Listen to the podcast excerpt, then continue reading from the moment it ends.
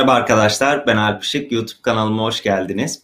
Bugün yine sizlerin karşısına haftalık gündem değerlendirmesiyle çıkacağım. Şimdi e, Medium hesabım üzerinden günlük olarak o gün önemli olaylarını, kripto paralar ve blockchain ile ilgili o günün önemli olaylarını sizinle çok özet bir şekilde paylaşmaya çalışıyorum. Genelde maksimum 4 veya 5 tane haberi seçiyorum ve sadece hani toplamda 10-15 satır geçmeyecek şekilde 30-40 saniyede okuyabileceğiniz hafta günlük şekilde özetleri paylaşıyorum. Ve bunun dışında da genellikle cumartesileri yapmayı planladığımda bu şekilde o haftanın paylaşılan haberlerini derleyip toplayıp sizin de e, sorularınızı yanıtlayacak şekilde maksimumda bir saati geçmeyecek şekilde bu şekilde bir gündem yapıyorum. Şimdi isterseniz seste ve görüntüde bir sıkıntı var mı? İlk önce bir onu kontrol edelim. Ondan sonra devam edelim.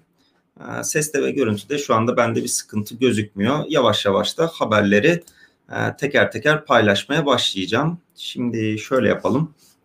Bu hafta, geçen hafta e, ilk 7 yazıyı paylaşmıştım. Şimdi 8.den devam edelim isterseniz bu haftanın haberlerinden. Şu şekilde ben de ekrana vereyim. Tamamdır. Şu an görüyor olmanız lazım. Seste ve görüntüde de bir sıkıntı yokmuş. Okey. Şimdi arkadaşlar bu hafta dediğim gibi Medium'da bu şekilde günlük olarak paylaşıyorum. 8.den devam edelim. Yani DeFi konusunda bu akıllı kontratlarda kitlenen miktar 6 milyar dolar seviyesine ulaştı diye yazmışım 16 Ağustos'ta. Şu anda güncel rakama bakacak olursak da DeFi Pulse'dan baktığımda 6.7 milyar dolar seviyesinde.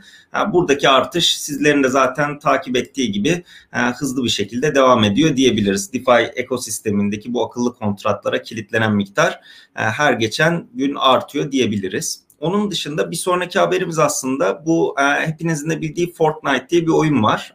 Bu da Apple Store üzerinden kaldırıldı. Olayın aslında şeyi şöyle, hikayesi şu şekilde. Apple Store üzerinden, daha doğrusu App Store üzerinden siz bir uygulama sat, sattığınızda bu uygulamanın gelirlerinin %30'u Apple tarafından kesiliyor. Aynı zamanda uygulamanızın içinde mesela oyun içinde satın aldığınız işte e, şeyler, eşyalar, oyun içi satın alma deneyimi sunan uygulamalarda bu oyunun içinde veya uygulamanın içinde satın aldıklarınızın da %30 civarı Apple'a gidiyor. Tabii doğal olarak da hani bir süre sonra bu geliştiriciler mesela işte Epic Games gibi büyük geliştiricilerde bu paranın çok yüksek olduğunu ve bu şekilde devam edemeyeceklerini söylediler. Aslında baştan bu şartı biliyorlardı. Sonuçta orada yayınlamak için e, o şartı kabul ederek başlıyorsunuz. Fakat e, bu habere konu olmasının sebebi benim de e, Medium'da bunun üzerine basmamın sebebi aslında şey burada oyun içi satın almalarda artık Epic Games kendi ödeme yöntemini eklemenin dışında orada kripto paraları da kabul edeceğini duyurdu. Yani orada Apple Pay ile de ödeyebilirsiniz. işte kredi kartıyla da ödeyebilirsiniz. Onun dışında burada kripto paraları da kabul edeceğini duyurdu. Bu yeni bir yani e, zincirleme reaksiyonu başlatabilir. Yani mesela Play Store üzerinden de kaldırılmıştı. Oyunun adını soran arkadaşım da yani Fortnite oyunu. Yani şu anda App Store üzerinde bulunmuyordu. Bayağı da hani milyonlarca oyuncusu var. Bakalım başka uygulamalar e, ve oyunlarda işte App Store'un, Medium'un, Google Play'deki e, bu aslında %30, %40 komisyon vermek yerine aradan bu aracıları kaldırarak kripto paralar üzerine en azından oyun içi satın alımlarda ilerleyebilecekler mi? Bu aslında oldukça ilginç bir haberdi bu haftanın. Onun dışında Amerika Birleşik Devletleri Posta Servisi blok zinciri tabanlı oylama sistemi için patent başvurusunda bulundu. Yani Amerika'da bildiğiniz gibi işte okullar açılsın açılmasın onlarda bir de şimdi seçim yaklaşıyor. Hani bir yandan okullar açılmasın tehlikeli derken bir yandan da işte seçim ne olacak, seçimde oy nasıl kullanılacak şeklinde tartışmalar devam ederken de yani e, posta servisi blok zinciri tabanlı oylama sistemi için bir başvuruda bulmuş patent başvurusu. Yani e, bu da önemli olabilir seçimler yaklaşmaya devam ettikçe diyebilirim. Şimdi 8. medium haber şeyimiz buydu. E, bu ekranı bir durdurayım. Şuradan da 8.sini kapatıp sizlere 9.sunu ekrana yansıtarak bir yandan da yorumlarınıza bakarak devam edeyim. Şuradan 9'u yansıtalım. Şimdi yeni haberlerimizde e, bu hafta kripto para borsalarında Bitcoin fiyatı e, dolar kuruyla da birlikte Bitcoin fiyatının 12 bin dolar seviyesinin de üzerine çıkmasıyla birlikte Türk lirası karşısında rekorunu tazeledi diyebiliriz. 93 bin TL seviyelerine kadar çıktı diyebiliriz. Bu haftanın aslında Türkiye'deki yatırımcılar için önemli haberlerinden birisi de buydu. Yine buna bağlı bir haber olarak düşünürsek de Binance'in CEO'su CZ tüm zamanların en yüksek trafiğini aldıklarını açıkladı. İşte 2017'de bildiğiniz gibi işte o Kasım Aralık zamanında kripto para borsalarına inanılmaz bilgi oluştuğunda e, çok ciddi 20 bin dolarlara kadar Bitcoin fiyatı çıktığında işte o zaman çok ciddi trafik alıyor tabii borsalar. Hatta kilitleniyordu işte hesap onay süreci bazılarında çok uzun süre olabiliyordu. E, Binance'in CEO'su da o zamanki trafikten bile şu anda çok ciddi trafik alarak bu rekoru geçtiğimizi söyledi. Bu da aslında oldukça heyecan yarattı. Bu DeFi'nin aslında kattığı bir rüzgarla birlikte şu anda kripto para piyasalarında oldukça volatil zamanlar yaşıyoruz diyebiliriz. E tabi bununla benzer olarak da Bitcoin'in hash rate'i de tüm zamanların en yüksek seviyesine ulaştı. Aslında bunun ya haber değeri şu şekilde çalışıyor. Hash rate'de zaten devamlı bir artış oluyor. Bir hash rate yani Bitcoin madencilerinin işlem gücünden bahsediyoruz burada. Fakat belirli dönemlerde özellikle Bitcoin fiyatı 3000 3000 4000 dolarlara mesela düştüğü dönemlerde e, çok ciddi sayıda madenci zarar ettiği için cihazlarını kapatmıştı. Zararına çalıştırmak istememişti. Bazıları zararına çalıştırmaya devam etti. Yani satmayarak Bitcoin'leri elinde tutarak ileride fiyatın artacağını düşünerek o zaman satarım diye. Fakat orada o zamanlar bir hash rate'de düşüş olmuştu. Şu anda fiyatın da 10 bin doların üzerinde hala olmasıyla birlikte e, eskiden mesela zarar eden cihazlar eskiden dediğim tabii çok eskiden değil yani daha yine güncel sayılabilecek cihazlar ama ucu ucuna kazandırıp zarar eden cihazlar şimdi fiyatın artmasıyla birlikte tekrar sisteme katıldığı için hash rate gücünde de tüm zamanların en yüksek seviyesine ulaştık. Ee, Warren Buffett'tan bir haber var. Hisse senetlerinin bir kısmını satarak altın madenciliği şirketine 565 milyon dolar yatırım yaptı. Ee, bunu da bazı analistler şey diye yorumladı. Yani Warren Buffett işte altına yatırım yaptıktan sonra aynı şekilde Bitcoin'e de yatırım yapacak şekilde bunu yorumla oldu. Aslında şöyle de düşünebiliriz. Yani bu haber geldikten sonra altın fiyatlarında da mesela bir onsun 2000 doların üzerine çıktığını gördük.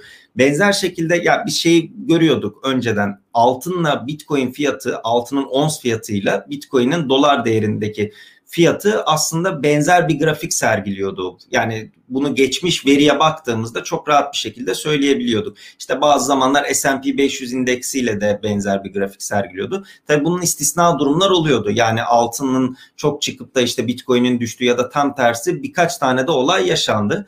E tabii altındaki bu sert çıkış Bitcoin'de daha volatil oluyor. Yani altın ne bileyim %2-3 civarı artarken Bitcoin 6-7 civarı artıyor ya da tam tersi düşerken de çok daha sert düşebiliyor. E böyle bir haber geldikten sonra işte altın fiyatlarında da bir kıpırdanma olmaya başlayınca Bitcoin fiyatı da 12 bin doların üzerine çıkınca aslında hani bundan mı acaba Warren Buffett'ın bu altın hamlesinden sonra bu Bitcoin'e de mi yaradı diye şey oldu. Hani bunun da bir haber değeri taşıdığı için ben de sizinle paylaşmak istedim.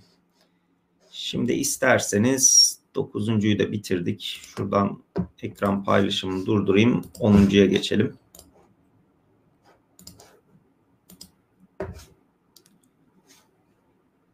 Şimdi bir sonraki haberimiz şuradan ekrana yansıtayım size de FTX borsası ile ilgili. Ee, bu FTX borsasının e, uzun süredir beklenen bir projesi vardı. Project Serum diye. Ee, kendi merkeziyetsiz türev borsaları ile ilgili bir proje. Onun da kendi token'ı vardı. SRM token. O çıkmadan önce de burada bahsetmiştim. Ee, onun listelendikten sonraki fiyatıyla hakkında da konuşmuştuk. Şu anda da FTX borsası e, borsa üzerine kendi token'ı olan aynı Binance'in BNB'si gibi FTT token tutan kullanıcılara e, bu SRM token dağıtacak. Bu da bunun detayları yanlış hatırlamıyorsam minimum 500 tane tutmanız gerekiyordu ve haftada iki dağıt iki tane dağıtılacak token demişlerdi. Sonra onu 3'e çıkardılar sanırım. Twitter'dan bayağı bir kişi yazdı.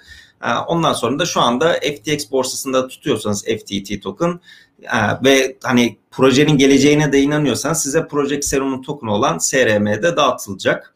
Onun dışında açıklama kısmında da ben FTX'in linkini koydum. Oradan üye olmak isterseniz de ömür boyu bütün işlemlerinizde %5 indirim kazanabilirsiniz. Bu haftanın ilginç haberlerinden biri Paris Hilton e, kedisinin e, bir tane tablet aldı işte iPad ne bileyim Android bir tabletinden kedisinin portresini çizdi. İşte bunu da YouTube'da yayınladı. Canlı olarak da yayınladı.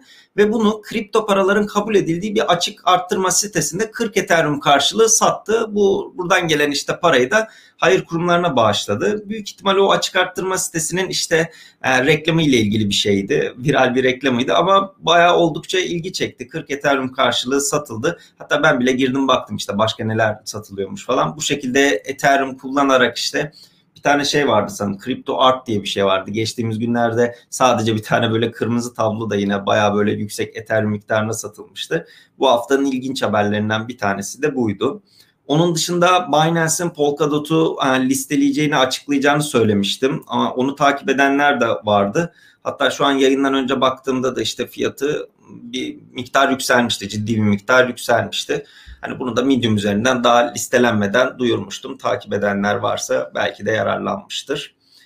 Sonra Çin'den bir haber geldi. Bu Çin'de hep şey bu Çin'de meşhur yağmurlar var ve madenciliğe yani büyük bir miktar Bitcoin madenciliğinde Çin'de olduğu için işte bu yağmurlardan geçtiğimiz zamanlarda da bir sürü haber konusu olmuştu aslında. İşte yangın çıktı, sel bastı, hash rate'de düşüş oldu falan diye. Yine buradaki Bitcoin madenciliği için kullanılan ASIC cihazlardan bir tane e, Bitcoin farming yapan, Bitcoin çiftliği olan, madencilik çiftliği olan birisi tweet atmıştı, videoya çekmiş. Çok ciddi şekilde zarar etmişti bütün ASIC cihazlarım gitti diye. Ama hani belli ki hash rate o kadar yüksek değildi ki şu anda az önce paylaştığım haberde hash rate'in rekor seviyede olduğunu görmüştük. Buradaki haberlerde bu kadardı. Şimdi şuradan bir sonrakine geçelim. 9'u gösterdim, 10'u gösterdim. 11'e geçebiliriz.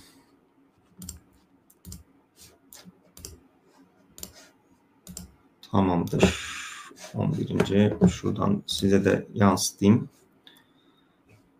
Blockchain ile ilgili bir haber var aslında bir bakıma da e, sigortacılık sektörüyle ilgili. Ben bunu e, YouTube kanalında DeFi'de özellikle bu akıllı kontratların sigortacılık işlemlerinde nasıl kullanıldığı ile ilgili uzun uzun anlatmaya çalışıyordum. Bulgaristan'dan da yeni bir startup çıktı ve bir saatten fazla uçağınız eğer rötar yaparsa Bitcoin ile iade alabileceksiniz. Bu imkanı size sağlamaya başladı aslında bu hani daha önceden de kullanılan bir şeydi. Mesela Ethereum üzerinde Ethereum ağı üzerinde kullanılan akıllı kontratlar sayesinde yani siz bilet satın alırken röter yapılması durumunda mesela 3 saat röter yapılması durumunda otomatik olarak bir tazminat alabileceğiniz kripto para cinsinden işte Ether cinsinden tazminat alabileceğiniz aslında sigortacılık işlemini yapan akıllı kontratlar vardı. Ama tabii ki bunların belki kullanımı zor olabilir. Bu akıllı kontratlarla etkileşim zor olabilir. Hele ki şu anda Ethereum birazdan e, bahsedeceğiz. Ethereum ağındaki e, ciddi yoğunlukta dan dolayı zaten hani küçük miktardaki işlemler şu an çok ciddi böyle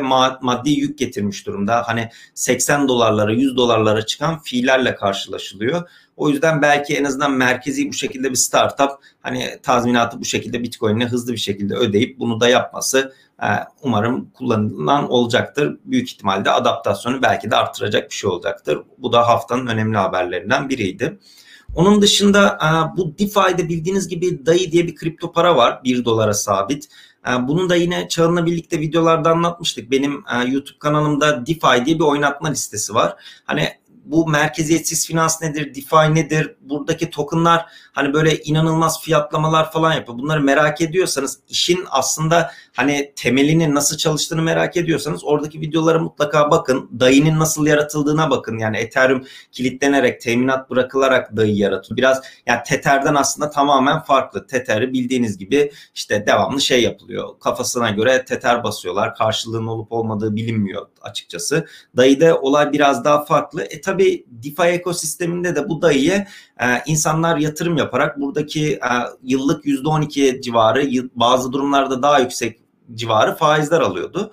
Fakat şöyle bir durum oldu. Hani siz mesela atıyorum belli bir miktar paranız var işte 1000 dolar 2000 dolar diyelim. Zaten onu faize yatırıp yıllık %12 civarı bir oradaki stake geliri elde edecekken hani Ethereum'da 100 dolar civarı bir komisyon vermek 80 dolar civarı bir komisyon vermek zaten sizin oradaki bütün gelirinizi alacağı için insanlar aslında onları kullanamamaya başladı diyebiliriz. Eskiden ya eskiden dediğim bir, bir ay önce falan çok daha popülerdi.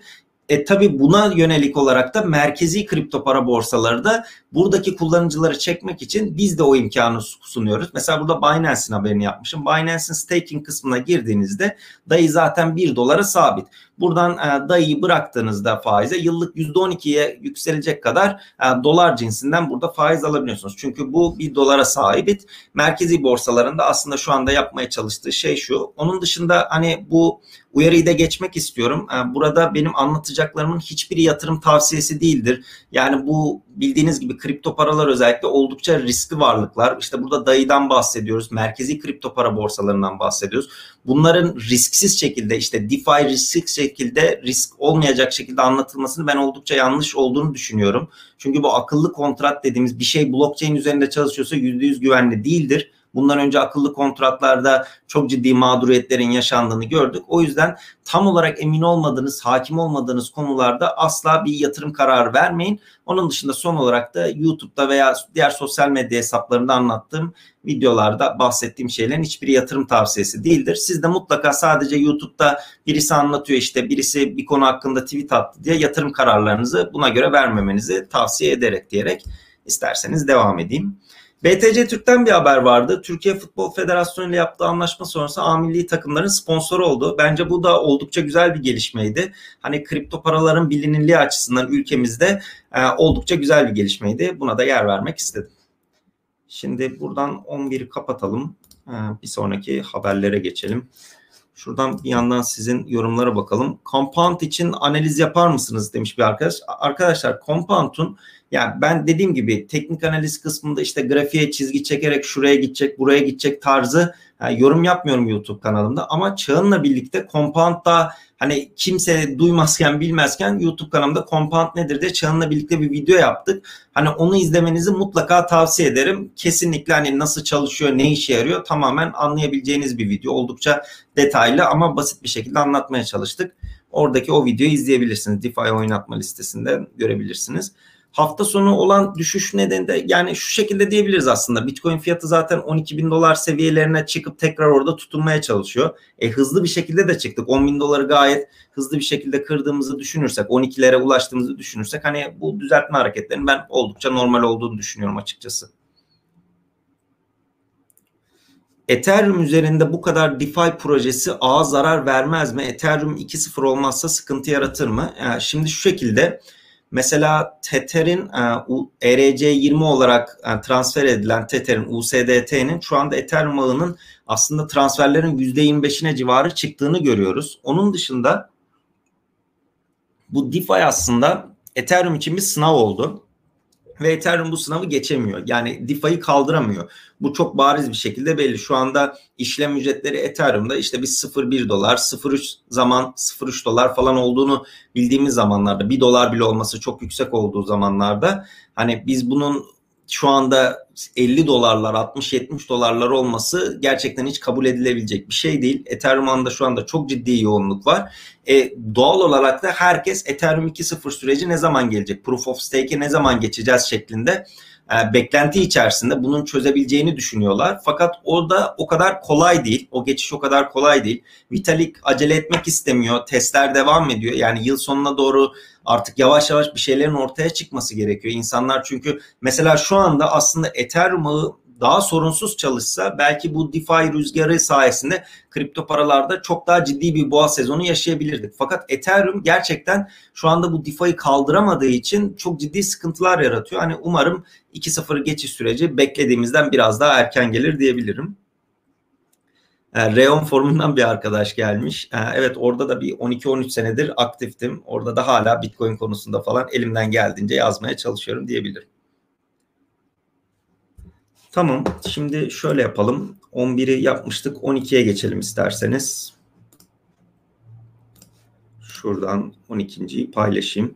Şimdi Wi-Fi'nin fiyatı Bitcoin geçerek 15, 15 bin dolar seviyesine ulaştı. Aslında bu hafta herkes bunu konuşuyordu. Geçtiğimiz haftalarda da bildiğiniz gibi ben şey demiştim işte Bitcoin fiyatını geçen aslında hani bu Wi-Fi olarak ön plana çıktı ama mesela 42 diye bir coin vardı. Şu anda hala fiyatı 30 bin dolar seviyesinde ama hiçbir kullanımı yok. Ta market cap'te sonlarda işte market hacmi yok, alım satım yapan yok. Yani bir şeyin fiyatının Bitcoin'i geçmesi Baz Bitcoin işte 12 bin dolarken bunun 15 bin dolar olması hani belki de çok da abartılacak bir şey değil. Fakat bu konuda çok fazla talep geldi. Hani nasıl çalışıyor bu 15 bin dolar yani nasıl olabiliyor? Buna neden insanlar bu kadar değer veriyor? Biliyorum borsada alım satım yaparken bunun volatil olmasından yararlanmak isteyen çok kişi var. Ama bunun neyin ne olduğunu e, çağınla birlikte büyük ihtimal önümüzdeki hafta bugün konuştuk çünkü. Wi-Fi nedir, nasıl çalışır, hani bunun nasıl kullanılıyor, ne işe yarıyor, bu protokol bazında e, ne hangi soruna çare oluyor da fiyatı 15 bin dolar seviyesine çıktığını anlatan e, güzel bir video yapmayı planlıyoruz. Onu da yaptığımda sosyal medya hesaplarından paylaşırım. Oradan bakabilirsiniz. Onun dışında ee, şu şekilde ben Medium hesabımı da koyayım. Yani günlük olarak Medium üzerinden paylaştığım için bu Medium zaten ücretsiz. Hani gördüğünüz gibi herhangi bir işte banner'da oydu buydu reklam yok pop-up falan. Medium yani çok düzgün temiz çalışıyor. Ücretsiz bir şekilde günlük buradan takip edebilirsiniz. En azından hani haftalık özete geldiğimizde haberlerin belki güncelliği geçmiş olabilir. Anlık zaten size bildirim geliyor. Ücretsiz bir şekilde buradan takip edebilirsiniz. Onun dışında e, Telegram'da yine duyuru kanalım var. E, bu sohbet kanalı değil sadece e, duyuru kanalım. Buradan da takip edersiniz. Buradan da özetleri paylaşıyorum. Çoğu kişi şu anda kripto paralarla ilgilenen Telegram kullandığı için. Son olarak da Twitter'ımı gösterebilirim. Twitter'da zaten oldukça aktifim. Hani YouTube'da belki anlık canlı yayınlar yapamıyorum ama Twitter'da oldukça aktifim. Oradan da takip edebilirsiniz. Şimdi onun dışında bir sonraki haber Crypto.com yani yeni bir yarışma başlattı. 20 bin dolar değerinde e, CRO ödülü veriyor. DeFi yarışması başlattı. Crypto.com'un da aşağıdaki linkten üye olabilirsiniz. Oradan da kart başvurusu yaptığınızda bir 50 dolarlık bonus ödülü var. Onun dışında exchange kısmını aktif ettiler. Onu son güncel haber olduğu için son sayfaya saklamıştım. Ondan da biraz bahsederim. Yani bir hafta sürecek DeFi ile ilgili tokenları e, al sat yapan kişilere belli bir miktar trade hacmini geçtiğinde kendi e, coin'i olan CRO coin'den ödül olarak veriyorlar. Ona da bakmak isteyebilirsiniz. Şu şekilde e, Crypto.com'a daha önceden e, referans linki olmadan kayıt olmuştum. 50 dolar yatmaz mı kart alsam? E, sanırım olmuyor. Onun dışında aşağıda exchange kısmından üye olursanız en azından oradan bir 50 dolar kazanabilirsiniz diyerek o şekilde cevaplamış olayım. Tamam. Bir sonraki haber FTX borsasından. Şimdi bu FTX borsası e, DeFi ürünlerini ilk listelediği için aslında çok oldukça popüler olmaya başladı. Bildiğiniz gibi kripto paralar için bir türev borsasıydı. Orada margin işlemleriniz, aynı zamanda spot işlemleriniz, işte future işlemlerinizi yapabiliyordunuz. Onun dışında şu anda spot ve futures işlemler için piyasa yapıcı komisyon oranlarını tamamen sıfırladı. Yani siz maker olarak order girdiğinizde yani emir tablosuna emir girerek işlem yaptığınızda şu anda hiç komisyon ödemiyorsunuz. Taker olarak direkt yani emir tablosuna işlem girmeden e, direkt emir alırsanız işleminiz gerçekleşirse de o zaman borsanın kendi komisyonlarını ödüyorsunuz. Bence oldukça rekabetçi oldu bu şekilde. Tamamen insanların çünkü çoğu belli bir emir fiyat giriyor. Onun gerçekleşmesini bekliyor ve bu böyle bu durumda olduğunda da şu anda sıfır komisyon almaya başladılar. Yine FTX borsası da benim YouTube kanalımın sponsorlarından biri. Onun da aşağıda linkini verdim. Onda da ömür boyu %5 indirim kazanabilirsiniz. Diğer o taker işlemler için. Hani bakmanızı tavsiye ederim. Onun dışında FTT tutarak o Project Serum token'dan da ücretsiz kazanabiliyorsunuz. FTX borsasına kayıt olmanız için de aşağıda link bıraktım. Rusya'dan bir haber geldi bir sonraki haber. Expo Bank, Rusya'da hizmet veren Expo Bank aslında ülke içerisinde ilk kripto para destekli krediyi sunmaya başladı. Yani bankalardan yavaş yavaş zaten böyle haberler gelmeye başlayacak. 2020 yılı aslında regülasyonlar açısından oldukça beklentinin olduğu bir yıldı. Belki bu Covid-19 sürecinde bu süreçler hani birazcık sarkmış olabilir fakat hani hala 2020 bitmiş sayılmaz. Yılın ya daha son çeyreği var önümüzde. Regülasyonlar kısmında da ülkelerden, bankalardan ben bu şekilde haberlerin daha fazla artarak geleceğini düşünüyorum. Son olarak 12'yi yaptıktan sonra 13'ü e, yapabiliriz. Bunu da bugün yazdım. Bugün paylaştım. Az önce aldım haberleri Medium'dan. E, buradaki haftalık özete de bunu dahil etmek istedim. Şimdi az önce bahsettiğim Crypto.com'un e, kart başvurusu yaparak 50 dolar kazandığınızdan ziyade şu anda exchange kısmını açtılar. Daha doğrusu aktif haldeydi zaten. Oradaki bir beta sürecinden çıktı. Ve çok güzel bir kampanya yapmışlar. Exchange kısmından aşağıdaki verdiğim linkle eğer üye olursanız ve sadece 1000 CRO bile stake ederseniz şu an CRO'nun fiyatı yanlış hatırlamıyorsam 1.2 TL falan olması lazım. Bir sürü bonus geliyor. 50 dolara kadar çıkıyor bonus ve bu bonuslar anlık olarak çekilebiliyor. Öyle sadece fee'de falan kullanılmıyor bildiğim kadarıyla. Aynı kart başvurusundaki gibi. Ee, bu büyük ihtimal hani belli bir süre olacak. Devamlı bu bonusu vermeyeceklerdir. Hani aşağıdaki exchange, Crypto.com'un exchange olan linkinden şey yaparsanız, e, tıklayıp oradan üye olursanız da anında bu bonusları kazanabilirsiniz diyerek bunu da söyleyeyim. Şimdi Ethereum ağından konuşmuştuk. Ethereum ağındaki yoğunluktan konuşmuştuk. Bildiğiniz gibi Uniswap var. Merkeziyetsiz borsa. E burada ne yapıyorsunuz? İşte mesela ERC20 tokenları kendi ar- arasında swap edebiliyorsunuz. Ne bileyim işte Ethereum yolluyorsunuz. Başka bir tane token alıyorsunuz ya da tam tersi. Şimdi burada son bir ay içerisinde kullanıcılar Ethereum ağında o kadar fazla yoğunluk oldu ki bir anda 7 milyon dolar civarı bir fee ödemek durumunda kaldılar bütün kullanıcılar. Aslında bu rakam çok çok daha düşük olması gerekiyordu. Fakat şu anda yoğunluk sebebiyle bir ay içerisinde 7 milyon dolar ödedi kullanıcılar. Bu sadece şey de değil. Mesela son haberimizde One vermişim. Yani Uniswap gibi bunun işte One var, Uniswap onun başka bir sürü aslında merkeziyetsiz borsa var onların tamamını düşündüğümüzde bu Ethereum ağı üzerinde komisyonları düşündüğümüzde aslında çok çılgın rakamlara çıkıyor. E, bir yandan merkeziyetsiz olması elbette bir avantaj sağlarken bir yandan işte mesela yeni bir DeFi ile ilgili bir projenin işte token'ı çıktığında insanlar onu ilk böyle merkezi borsalara girmeden işte Uniswap, Vaninch gibi platformlardan almak istediğinde yani çok çok uçuk ücretler karşılaştığında bazen almaktan vazgeçiyor ya da o çok yüksek ücretlere katlanarak işte 100 dolar falan fee vererek gidip o projelere yatırım yapıyorlar. O yüzden de hani bu Ethereum aslında oldukça önemli buradaki gelişmeler. Onun dışında Binance üzerinde yeni bir proje listelendi. Bu listelenme haberlerinde hani ilk çıktığı anda ben daha borsaya girmeden saat kaçta listeleneceğini belirterek e, paylaşıyorum. Buradan da takip edebilirsiniz. Onun dışında yine Binance'ten ömür boyu %20 indirim kazanmak için aşağıda verdiğim linkten faydalanabilirsiniz. Hani Binance'ten oradan yeni bir hesap açarak ömür boyu bütün işlemlerinizde %20 indirim kazanabilirsiniz ki yani Binance çok sık kullanılıyor, çok yoğun kullanılıyor. Uzun vadede direkt o indirim işinize yarayacaktır. Bir işlem yaptığınızda anında o indirim size yansıyor. Zaten siz de kendi panelinizden görebiliyorsunuz. Bir tane blockchain haberine yer vermek istedim. Tayland'da adli sicil kayıtlarının blockchain üzerinde tutulması için çalışmalar başladı.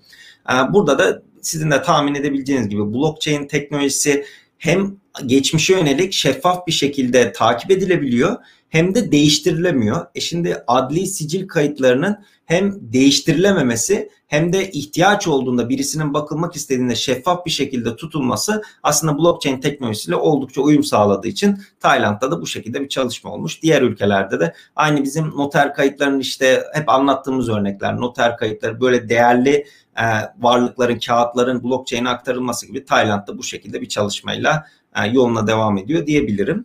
Son haberim aslında önemli bir haber. DeFi ekosisteminin önemli oyuncularından demişim. One Inch Exchange. One Inch Exchange'in esprisi aslında şu. Siz mesela Uniswap üzerinden e, bir token'ı takas edeceğiniz zaman orada likidite havuzundan sağlayan kişilerden işte o takas gerçekleşiyor. One Inch şunu yapıyor. Mesela Uniswap'tan fiyatı alıyor. X borsasından fiyatı alıyor merkeziyetsiz. Y borsasından alıyor. Z borsasından alıyor. Hepsinden sizin yaptığınız transferi farklı farklı merkeziyetsiz borsalara bölerek sizin aslında en uygun fiyata onu ve en kolay şekilde almanızı sağlıyor. Mesela diyelim yüksek miktarda alacaksınız. E sadece bir tane merkeziyetsiz borsada likidite yoksa şey oluyor siz alamıyorsunuz ya da fiyat aşırı yükselmeye başlıyor bu sefer. Vaniç aslında bunu bu şekilde yayarak oldukça uzun süredir kullanılan hani işini de doğru düzgün yapan bir merkeziyetsiz borsa. Şimdi burada haber değeri taşıyan şöyle bir şey oldu. Mesela Compound'un da işte Comp diye token'ı çıkmıştı. One için de One Inch diye e, kendi token'ın detayları paylaşıldı. Burada da Medium üzerinden e, buna tıklayabilirsiniz. Kendi One için Medium hesabını verdim. Hani orada detayları 22 Ağustos tarihinde bugün paylaşmışlar. Ben de hemen hani sıcağı sıcağına buradan da size göstermek istedim. Onun dışında e, DeFi Turkey Telegram grubu var. E, DeFi ile ilgili şeyiniz varsa, ilginiz varsa DeFi Turkey diye zaten Telegram'a yazarsanız bir tane grup var Türkiye'de. E, oradaki orada da paylaşmıştım. Hani oradan da belki hani başkalarıyla bilgi transferi edebilirsiniz bu konu hakkında diyeyim. Yine dediğim gibi bu asla bir yatırım tavsiyesi falan değildir. Sadece önemli bir gelişme olduğu için Buna da haberde yer vermek istedim diyebilirim. Ee, benim size sunacaklarım bu haftalık bu kadar. Ne kadar olmuş? Yaklaşık yarım saat olmuş. İyi bu sefer bir saate uzun uzatmamışım. Dediğim gibi Medium üzerinden takip etmenizi öneririm. Çünkü anlık günlük paylaşıyorum. Her akşam o günkü önemli haberleri paylaşıyorum. Onun dışında sizin e, sorularınızı da buradan elimden geldiğince yanıtlamaya çalıştım. Bazı arkadaşların hani özel şeyleri var. Bazı tokenlar hakkında e, özel soruları olabiliyor. Ben tahmin ediyorum yani mesela bir arkadaşımız EOS mesela DeFi'ye uygun mu sizce? Şimdi Ethereum ağında bu kadar yoğunluk olduktan sonra insanlar şey yapıyor tabii Tron'a mı geçsek, EOS'a mı geçsek diye. Fakat işte Hani Tron, Justin Sun tabii bundan hemen yararlanmaya çalışıyor. Tron'da gelin çok daha hızlı falan diye. Fakat o yükü oraya geçtiğim zaman e, kesinlikle şey olmayacaktır. Tron'da da aynı şekilde yavaşlıklar görmeye başlayacağız.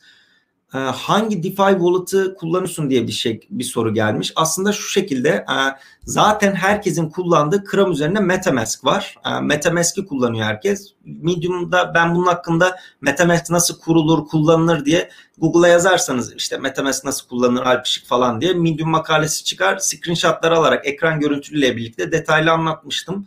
Onun dışında insanlar genelde sanırım mobilde Argent'ı kullanıyordu. Fakat Argent'ta şöyle bir şey oldu. Fiilleri Argent ödüyor diye hani insanları bayağı bir çekti. Ondan sonra birkaç ay sonra bir açıklama yaptı. Artık biz bu e, Ethereum komisyonları ödemeyeceğiz. Hani bu bazı şeyler için ödemeyeceğiz dedi. Tabii bir anda kullanıcılar Argent'ı biraz daha bırakmaya başladı. Sonra Dharma diye sanırım bir cüzdan var. O da şu anda Argent'tan kaçan kullanıcıları biz de bu komisyonları kendi cebimizden karşılıyoruz diye o çekmeye çalışıyor. Yani şeyi tavsiye etmem çok fazla çok böyle sadece komisyon ödemeyecek, benim yerime ödüyorlar diye hiç bilmediğiniz bir cüzdana atladı, atlamanız durumunda hani tahmin edebileceğiniz gibi çok ciddi mağduriyet çıkabilir. Metamask'i bile yani Google'a gidip Metamask indir yazarsanız büyük ihtimal Metamask'in Chrome Store'da işte Google'ın kendi web mağazasında bir sürü sahtesi vardır. O yüzden kendi official hesabından, official resmi sitesinden indirmeniz gerekiyor. Yani biraz açıkçası dikkat etmeniz gerekiyor. Ama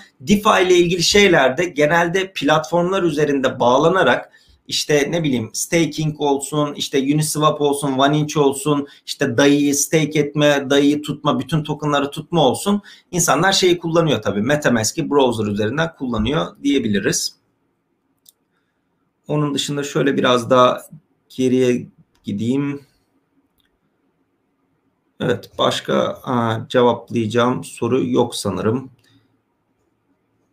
Kote hakkında bilgi verir misiniz? O konu hakkında da bilgim yok. Onun dışında yani doğal olarak şu şekilde sorular geliyor tabii. Ne o nereye gider şeklinde. Yani dediğim gibi arkadaşlar ben hani herhangi bir yatırım tavsiyesi niteliğinde olabilecek işte şuradan şu fiyata gider buna gider şeklinde hani benim kanalım böyle diyebilirim. Hani mümkün olduğunca gelişmeleri size anlık bir şekilde bildirip onun üzerinde yorum yapmaya çalışıyorum ve hani daha iyi bilen insanları, daha uzman olan ki arkadaşları da mesela DeFi konusunda çağın benden çok daha iyi bildiği için hani devamlı onunla birlikte konuk alıyorum. Başka arkadaşlarımı alıyorum. Hani konusunda uzman kişileri de gelip YouTube kanalından sizlere sunmaya çalışıyorum. O yüzden hani YouTube'da hala abone olmadıysanız abone olup yanındaki zile tıklarsanız çok memnun olurum bu, bunun dışında yayını beğendiyseniz beğenmeyi, paylaşmayı, yorum yaparsanız benim için çok güzel motivasyon oluyor. Bu yayınların devamı gelmesi için e, bana da güzel bir motivasyon oluyor diyeyim. Sizlerin de cumartesi akşamı daha fazla vaktini almayayım. Çok teşekkür ederim. Bana vakit ayırdınız.